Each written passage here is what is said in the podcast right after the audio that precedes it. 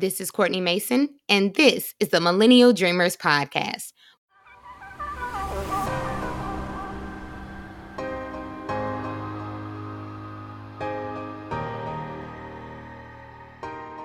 Hey, hey, friend, it's Courtney reporting live from my closet studio.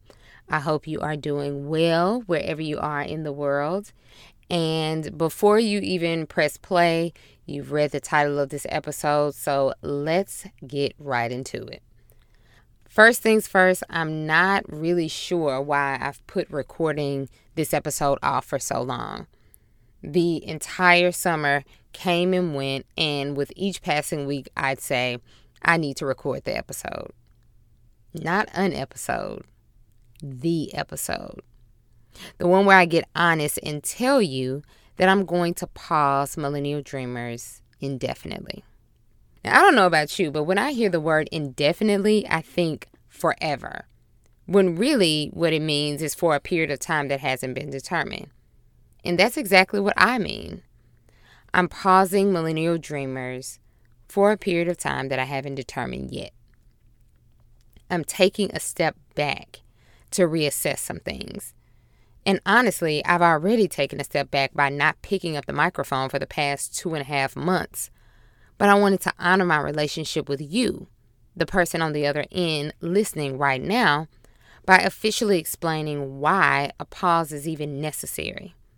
So, the nitty gritty, the bottom line is for several weeks, I have lacked inspiration. I haven't had the drive and the motivation needed to produce the type of content that I aim to produce for this platform. And that's informative, engaging, and valuable. I think you know from the time that that this podcast has been um, in existence that I'm so grateful to even have a platform.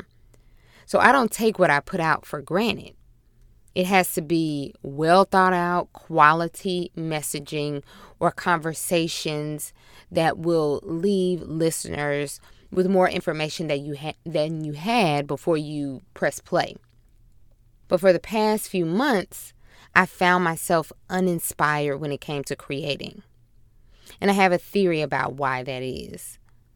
If you've been rocking with me, for some time, you know that I started this podcast as a means of sharing content that I was learning as a newbie entrepreneur. As the author of the children's book series Little Miss Dancy Pants, I kind of tripped and fell into the world of small business and entrepreneurship. But once I was here, my goal was to take my children's brand to the next level. Like Doc McStuffins Who. I wanted my mission, which is to make dance available to children everywhere, regardless of their identity, a reality. And I was dialed into all the possibilities for Dancy Pants for multiple years. And then I kind of lost my groove when the pandemic hit. Ironically, though, I didn't realize that I lost my groove and kind of put my business on ice until it was brought to my attention. So I've had multiple conversations with um, friends, family, patrons, and the question was posed to me at one point if you had to focus on only one of your projects, only one of your business babies for now, which would it be?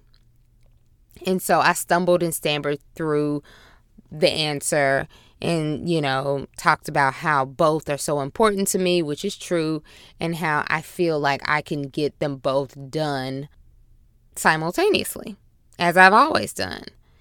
And another question was posed that was would you rather talk about the idea of having a thriving business and what that might look like or would you rather work on making your already existing business a success and share more of those lessons after you devoted more of your attention to it again? And my first response was, "Why are you jumping me? Like, I mean, if if we if we want to fight, if you want to fight, just say that. I mean, I don't understand." But then my second response was, "You're absolutely right. honestly. Um, I really can't continue to multitask, divide my time between a career and two passion projects and have, you know, a social life and and spend time with family and um, all the other things that I'm doing and do it well. So I had to really figure out what's the best route for me. What should I be doing? And as luck would have it, of course, it seems like after I had that conversation, I've seen so many signs that either overtly or subtly suggest to me this is your sign to take a break. I mean, even Beyonce gifted me with an album on my birthday, Renaissance, which was released July 29th. And one of the songs, she says, she thought she was killing that ish. I told her go harder. And I'm like, dang, like all the things, all the signs, all the roads are leading to it's time to go harder. It's time to figure out what you need to do to refocus so that you can elevate your business, so that you can then find whatever that thing is that you had when you first started both of these projects, both of these businesses, and get back to that. So that's what I'm going to do. And I'm trusting that I won't lose every single listener that I've gained by taking some time and putting in the work. But that I can come back stronger and more inspired and more enlightening, enlightened. And I hope that you're doing all the things that you need to do to make your dreams a reality. So, this isn't a so long for millennial dreamers. It's just a see you later. Much love to you, my friends. And we'll talk soon. Peace.